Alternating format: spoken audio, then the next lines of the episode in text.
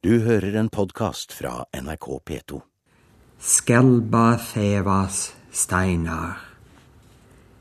Innanna nabor. Ek naudigastir. Ek erafar. Dette er professor James Knirk som leste den gammelnordiske runeinnskriften på Hogganviksteinen. De midterste tegnene på steinen altså de er jo så ferske. Det ser ut som de er, eh, det ser ut som de er hogd i går. Runeinnskriften som kom til syne da steinen ble funnet ved Mandal i 2009, kan kanskje bety dette er Kelbatevas stein. Jeg heter Naudigaster. Jeg kalles Jerven. Når vi fant den steinen da Det var jo egentlig, når du ser det, ser det ut som å få et budskap fra fortida. Og budskap fra fortiden, representert ved tolkningen av runeinnskrifter. Det har James Knirk snakket om her i museum i flere tidligere programmer. Blant annet om hva som skjedde, kanskje en gang på 400-tallet, da storbonden Voderidar døde i tunet i Østfold og det ble reist stein over ham. Ek we was after vodu rive vitanda halaivan warachto. Historien om brødgiveren, hans kone og tre døtre, arv og gravøl for 1500 år siden, skal det ikke handle om i dette programmet. Men den spennende historien finnes blant museums podkaster av tidligere programmer. Når vi møter professor James Knirk i dag, er det ikke på Runearkivet ved Kulturhistorisk museum i Oslo, men i forskningskontorene i kjelleren til Vitenskapsakademiet i Oslo. Der leder Knirk et stort forskningsprosjekt på Senter for grunnforskning, eller Center for Advanced Studies. Runologiens teori og metode er temaet. Jeg har virkelig de ledende forskere fra hele verden her. Jeg har Henrik Williams, som er professor ved Uppsala universitet, og er, kan vi si, den ledende akademisk runeforsker i Sverige nå. Jeg har også Michael Barnes, som er nå pensjonist fra University College London, som har vært aktiv på området av runeforskning i minst 30-40 år. Vi har noen yngre folk også, en Magnus Kjellstrøm ved Riksantikvarieembetet, Runverket i Sverige, i Stockholm og Visby. Og det er Christiane Zimmermann fra Kiel, som er i et stort tysk prosjekt, 16-årig forskningsprosjekt som foregår i Tyskland på fire forskjellige universiteter. Og dette er den sentrale gruppa. Jeg har i tillegg uh, invitert uh, en uh, doktorgradsstudent fra Uppsala universitet. en russisk student nå i høst, og nå i vår en italiensk student. Og så har jeg også andre folk fra Tyskland og England og uh, to fra England som kommer hit kortere tid, to til tre måneder for hver av dem. Resten av oss er her uh, hele året. tre av oss 100% og en 80 og en 50% Og jeg har forstått det sånn at det dere skal forsøke å få til, det er rett og slett å lage hele grunnlaget for å definere hva runeforskning er. Er det noe som heter runologi? Eller er det rett og slett slik at det er en crossover fra mange andre fag? For James, hva det nå enn er, runologien, så henter jo den mange inspirasjoner og er helt avhengig av mange andre fag også. Det er det. Det er noe av det mest tverrfaglige som, som fins. Det, det må være et gjenstandsfag, at man må ha innsikt i de gjenstander som runer er på. Men det er basert på uh, lingvistisk innsikt for å kunne lese runer og få ut de tekstene og tolke de tekstene. Og da trenger vi også hjelp med, med uh, kronologi. Og da kan også kunsthistorie og historie være til hjelp, i tillegg til arkeologi. Uh, så det, det, er noe som kombinerer ganske mange fag. Men det, det, er et godt spørsmål om det er egentlig et eget fag, eller om det er en del av germansk språkvitenskap, en del av norrønt, en del av uh, ja, andre fagområder, lingvistikk. Her er det lavt, her må vi krype. I det øyeblikk du tar frem eh, lommelykta her og legger den helt inntil veggen, så, så kommer det bokstavelig talt ut av veggen en hel, en hel saga. Altså det er... Her står det bl.a. på en Jordsala farar bruto orkhaug.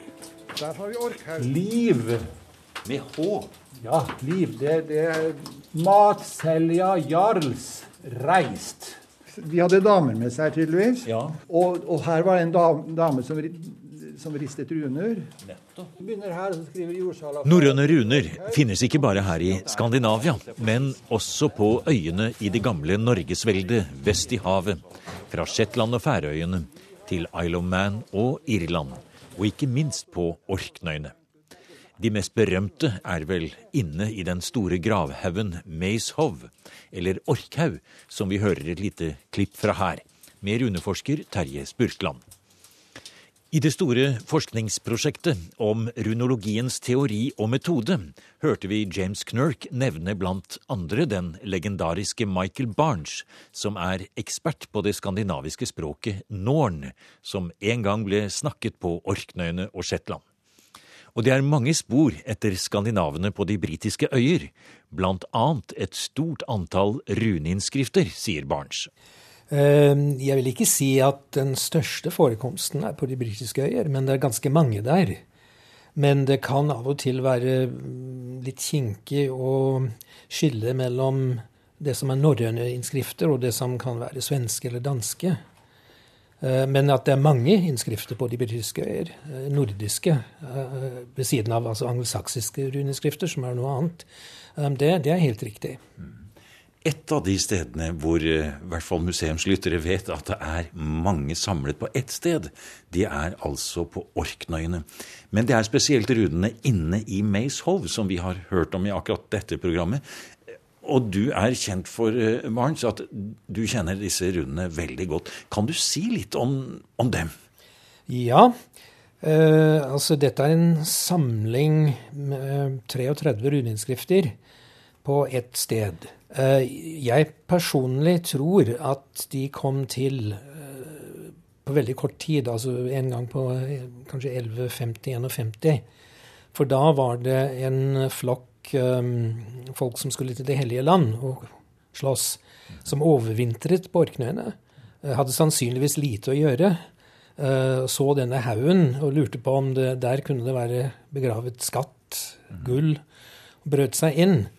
Uh, når de kom inn, så regner jeg med at de, det var lite de fant der uh, som var av verdi. Men uh, det var store, flotte vegger hvor man kunne da utbrodere seg om for det første det at man ikke fant noe. For det, En del av innskriftene handler nettopp om at her har det kanskje vært en stor skatt, men en annen har båret den ut, og den ligger nå i nordvest, og sånne ting. Så nærmest en samtale om den skatten man altså ikke fant. Og så blir det jo nesten en skrivekonkurranse der inne. En slags eh, kanskje graffitikonkurranse. Det er jo en innskrift, så vidt jeg husker, hvor eh, det står 'så høyt opp på veggen eh, kunne jeg skrive'. Det er riktig. Eh, altså Halvparten av innskriftene kan man si er um, består av navn, personnavn, og beskjeden 'reist runar'. Altså ja. den og den skrev runer. Eh, som er en slags 'Kilroy was here' eh, fra middelalderen. Eh, den innskriften du nevner altså, Man har lurt på hvordan den ble til. altså, I en artikkel som kom ut i et dansk tidsskrift, så er det en morsom tegning av en som står på skuldrene til en annen mann og hogger en runde. Altså, det tror ikke jeg noe på. Eh, jeg tror heller at man, at altså man brøt seg inn i haugen, så kom man gjennom taket. Og da har man nødvendigvis hatt tau. Og så jeg tror man har hengt i et tau og skrevet runeinnskriften heller. Altså, det, Dette er ikke det eneste stedet hvor man har en samling runeinnskrifter. Uh, blant annet um, altså på et sted som heter Holy Island på vestkysten av Skottland, altså overfor øya Arran, er det et lignende sted. Men der er det bare åtte innskrifter, som antakelig stammer fra Håkon Håkonsens uh, krigstog til Skottland for å gjenerobre hybriden og sånn. Eh, også i Norge er det sånne samlinger med bruninnskrifter. Og jeg går ut fra at eh, man befant seg et sånt sted det hadde lite å gjøre. Så var det naturlig, kanskje Men det, ser ut som, som mange har, har har trang, også i norske stavkirker, til å skrive en beskjed om et eller annet religiøst, profant, eller hva det måtte være. Eller at man, man hadde vært der. For det vi er inne på her, det er jo nettopp eh, skal vi si, den status som det å mestre runeskriften da hadde i sin samtid. Hvis du vil si litt, barn, om denne gåten med hvordan det starter, det hele. Altså, hvorfor skal det i hele tatt være slik at kunnskapen om dette sprer seg så fort. Det blir så populært. Det eksisterer side om side, kanskje, med kunnskapen om latin. Det var et vanskelig spørsmål. Eh, altså, Man må være klar over at selv om vi sier at det har eksistert runer, la oss si fra ja, første århundre etter Kristus og videre, så, så, har man brukt runer veldig forskjellig. Eh, det har vært forskjellige typer runer, og de har brukt, vært brukt til forskjellige formål. Altså Det som du finner i Mayshaug, tror jeg er en sånn middelalderutvikling hvor nettopp eh, kunnskapen kanskje om det, om det latinske alfabetet og skriftkunsten uh, inspirerer folk uh, også til å bruke det hjemlige alfabetet uh, på en måte kanskje som de ikke gjorde før. For går du lenger tilbake, så er det ytterst få runeinnskrifter, la oss si fra tidlig vikingtid og før det, og helst på altså det vi kaller for brakteater, altså ensidige sånne medaljer, eller runesteiner, eller våpen. Men det du finner i middelalderen, er en helt annen form for bruk av, av, av runer. Mm. Så korte beskjeder til enkeltpersoner. Mm si, og gjerne på runepinner, men i Meisa altså da skrevet på, på, veggen. Kanskje noen av de aller eldste runeinnskriftene finner vi vel kanskje på våpen, som f.eks. da på Illerupfunnet, Alken Eng og andre steder i Danmark, hvor det står noen ytterst få tegn som kanskje skal symbolisere hvem som eide våpen, eller kanskje det er en annen grunn til det. Eh, og dette er jo funn som går helt tilbake til 200-tallet, og noen også litt eldre enn det. Hva er etter din mening, Barents, den aller eldste dokumenterte vitenskapelige eh, funn av en runeinnskrift? Ja, den er vel fra ca. 160. Um, det her må jeg ty til Jeppe Vimus. Ja, ja, James. Nå skal jeg spørre også Henrik Williams som sitter her. Har du noen kommentar til det? Ja, du peker på Henrik Williams. Det er morsomt, for nå er vi i en, en diskusjon med eh, kanskje verdens fremste eh, runeforskere her. Eh, Henrik Williams, eh, den aller eldste kjente som du vil kommentere? Det är som Michael Barnes säger, en innskrift från ungefär 160 efter Kristus och den är ristad på en liten kam som har hittats i en mosse i Danmark. Och på denna kam så står det Harja.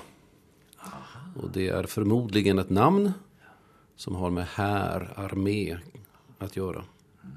Och det är typiskt för de tidigaste inskrifterna att det står kanske bara ett eller två ord och väldigt ofta just namn. Antingen på den som har gjort föremålet eller den som har ristat eller kanske den som har fått föremålet. Du nämnde Illerup. Der står det f.eks. Nisio Tawide. Det som altså namnet Nisio har gjort dette. Er det ikke også et navn der, Svarta, i den teksten? Svarta står det også på et um, sköldhandtag om jag minns rätt. At Att det måste ha ristet mycket mer än det vi har hittat, det är helt klart. Men man kan också betänka att många av de här fynden, de tidigaste i Danmark, har hittats i stora mossoffer. Efter ett slag har man alltså offrat fiendens vapen i mossen. Och av tusentals fynd man har hittat så är det kanske ett eller två med runor. Det säger någonting om proportionen människor som har behärskat runor och de som inte har gjort det. Jag tror att det var en oerhört exklusiv kunskap under den äldsta tiden Vikingatiden sen, framförallt efter år 1000, då sprider det sig av de stora offentliga runstenarna, framförallt i östra Norden, Sverige och Danmark. Och sen under medeltiden får vi en helt annan runicitet. Den som Michael Barnes pratar om, när man alltså ristar på pinnar, på väggar, på allt man kan se och naturligtvis alla människor behärskar skrift på ett helt annat sätt. Då. Og kanskje også det som vi legger merke til i Sverige, er jo at der er kanskje runeinnskrifter mye mer brukt på, på, på stener, og kanskje lange innskrifter. Eh, og, og, kanskje er det slik at også bilder og fremstillinger Så det er kanskje også litt type moteretninger også i eh, jernalderen på hvordan man fremstiller eh, ting og viser sin kunnskap eh, frem. Helt uppenbart är det så. Runkonsten har funnits i nästan tusen år. Men det är inte förrän den blandas med en annan ingrediens som det blir en explosiv blandning, nämligen kristendomen. Det är när kristendomen kommer till Norden och man inser att man kan förena den inhemska runkonsten med det kristna budskapet och framförallt i kung Haralds fantastiska runmonument vid Gälling i Danmark där han kungör att han är nu kung och han har kristnat danskarna. Och han, den stenen verkar som en katalysator och du talar om mode. Det är det verkligen frågan om. I Sverige exploderar det fullkomligt. Människor gör ingenting annat än ristar runstenar under kanske hundra års tid. Och vi har alltså två och ett halvt tusen runstenar från vikingatiden där. Men ikke så mange fra en tidligere periode. Nej, där är det framförallt Danmark med sina allra äldsta runeskrifter och Norge med sina fantastiska stenar.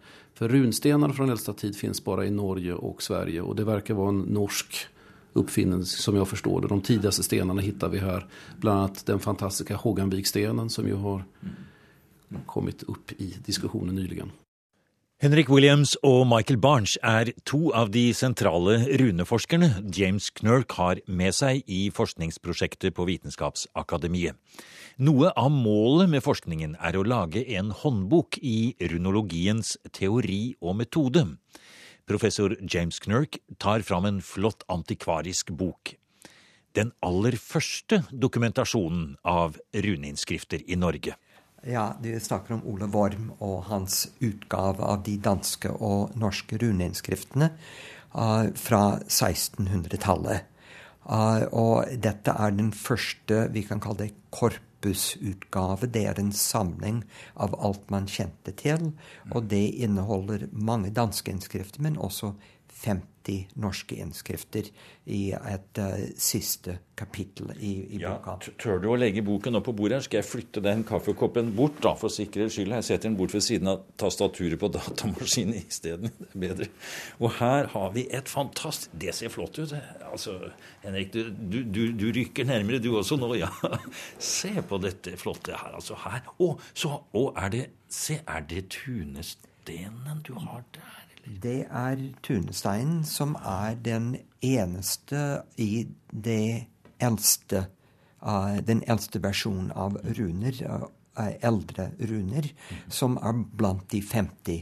De andre 49 er egentlig fra vikingtid og middelalder og i yngre runer, men dette er den eneste i eldre runer. Og de var egentlig ikke forstått den gangen, så dette er den eneste han ikke har noen tolkning for, fordi han egentlig ikke forstår helt de tegnene. Og det tok lang tid før man på 1800-tallet forsto at at disse ikke var en utvikling fra yngre runer, men var forstadium, det som lå bak av yngre runer. Skal vi tillate oss å bla litt i denne boken, James, hvis vi gjør det veldig forsiktig, og du gjør det? For når er den fra, denne boken? Helt eh 1643. Oi, oi, oi. Så det er en, Dette er et uh, ærverdig dokument. Det må ja. være en av de aller, aller eldste, kanskje, i hvert fall i det norske materialet, kanskje. I det norske materialet er det det. Mm. Uh, mens svenskene kom faktisk i gang litt tidligere mm. enn man gjorde i, uh, i Danmark-Norge. Uh, men det syns jeg kanskje du skal snakke litt Ja, med for, for det var kanskje sånn, eh, Henrik, at det var en viss konkurranse på 1500- og 1600-tallet mellom disse eneveldige kongene om hvem hadde den dypeste historien, hvem kunne dokumentere sine eh, skal vi si, fortidsminner best. Og da spilte runeinnskriftene en viktig rolle. De var ett viktigt politiskt mynt alltifrån 1500-talet och framåt. För vi ska komma ihåg att det här är en av de stora makterna, Danmark och Sverige, inbördes konkurrerar om första inte bara i Norden utan över hela Europa faktiskt. Det var betydande nordiska stormakter och i ett europeiskt perspektiv. Redan på 1500-talet, 1550-talet så kommer bröderna Magnus, svenskar som var verkade i Rom ut med eh, verk, historia om de nordiska folken. der man altså lyfter fram runorna. Därför vi skal komme ihåg at dette redan då är en profilprodukt for Norden. På samme sätt som idag. Där man lanserar runor i alle mulige kommersielle sammanhang for å vise at dette har vi Särskilt eh, på Orkneyöarna som vi har tagit upp tidigare när man landar på flygplatsen så står flygplatsens namn Grimsetter med runor ovanför terminalen. Vilket Michael Barnes har varit konsult för. Och detta enligt Orkneyöarna själva är för att de ska visa sin egna identitet i kontrast till den keltiske identiteten der nede. Man skulle jo kanskje tro at siden de første runeforskerne startet allerede for drøye 400 år siden, så skulle man i dag ha en hel del håndbøker i teori og metode for å lese og tolke runer. Men faktum er at det har man ikke. Nei, det har man ikke. Jeg må poengtere dette er en håndbok i runologi, dvs. Si runeforskning, ikke en håndbok i runer. Det har man flere av. Så vi har eh, et område vi arbeider på, og tekster og steiner og runepinner og kirker og sånn som vi arbeider med. Men spørsmålet er hvordan arbeider vi med det? Og det er ingen av oss som er like flink på alle områder som vi må dekke. Det er noen som er flinkere på å tolke innskrifter, andre som er flinkere til å lese og dokumentere innskrifter. Uh, og det vi prøver å gjøre, er å se på hele teori og metode for runeforskning, og så lage en håndbok for å veilede oss selv, veilede våre kollegaer, og, og veilede eller lære opp nye folk som ønsker å komme inn i faget, og, og informere folk som bruker våre resultater, slik at de vet hvordan vi har kommet fram til det vi kommer fram til. Altså, jeg har vært um, veldig kritisk til uh, mange måter å tolke runeinnskrifter på, for jeg har ment at um, man har ikke hatt noe fast grunnlag å bygge på for, for å, å, å, kunne si at en tolkning er kanskje å foretrekke fremfor en annen slik at uh, enhver kunne presentere sin tolkning. Altså det man gjorde gjerne, var å slå opp i en etymologisk ordbok og finne ut om det var noe der som kunne passe til det man trodde man så uh, i innskriften. Uh, og så hvis det ikke passet helt, så sa man ja, her hadde kanskje runeristeren begått en feil. Så rettet man litt på innskriften og fikk den slik til å passe. Slik at det, det, ble jo sagt en gang spøkefullt at for, for, for hver runeforsker var det en ny tolkning. Uh, og det er ikke akkurat egnet til å heve runologiens renommé. Uh, og en ting vi, vi, prøver da her, er å, å, å etablere uh, som et, et, slags grunnlag. Altså, noen, jeg vil ikke gå så, langt som å si regler, men, men altså visse kriterier som gjør at vi kan si dette kan vi godta som en rimelig tolkning. Det er ikke sikkert at den er riktig, men, men, men det formelle er liksom i orden. Uh, og det tror jeg runologien vil være veldig tjent med. Men jeg vet ikke om mine kollegaer har noe de vil Ja, altså Williams, Det er vel ikke egentlig så lett å legge denne fasiten? Jag måste säga att det, det, cirkulerar så många vansinniga tolkningar där ute av runeskrifter och vem som helst verkar kunna anse sig själv som en expert och påstå bara att så här tolkar jag runeskriften. Men som Michael Barnes säger, varför gör du det? Vilka metoder har du använt? Vad får det för implikationer för alla andra runeskrifter? Det här existerar ju i ett vakuum, det finns alltid en kontext. Och det är detta som det här projektet väldigt mycket inriktar sig mot. Att fastställa rutiner för läsning och tolkning av runinnskrifter. For å teste noen av teoriene i håndboken som er under arbeid, har runeforskerne gjort nytt feltarbeid på Isle of Man, hvor det er mer enn 30 korte runeinnskrifter på kristne steinkors. Det kan gi viktig ny kunnskap, sier Henrik Williams. Jag tror inte att runorna i sig bär en ideologisk budskap som många tror ju idag att de har varit magiska eller hedniska. De är helt enkelt ett skriftsystem. Men i anslutning till det som Michael Barnes just berättade om att vi har de här runkorsen på Isle of Man och det kan ju låta lite tråkigt att det står ungefär samma sak på 36 stycken. Men vi ska komma ihåg att vad är det de flesta människor idag, om de kommer i offentligt tryck någon gång i sitt liv, det är först i sin dödsannons i tidningen. Och runstenarna motsvarar i hög utsträckning just detta. Det är så oerhört viktigt att låta allmänheten veta att man har, en viss person har avlidit och framförallt vilka de efterlevande är. För detta förenar runstenarna med dödsannonserna. Korset, namnet på den döde, namnet på de som har efterlevt. Det här är en stark tradition som tydligen rör någonting djupt, ett djupt behov i, i människan. Så att runor kan användas till så många olika saker. De är oerhört flexibla och runinskrifter, jag brukar påstå det finns ingen mänsklig aktivitet som inte avspeglas i någon runinskrift. Du har hørt en podkast fra NRK P2. Send gjerne en e-post til museum.krøllalfa.nrk.no. nrk.no.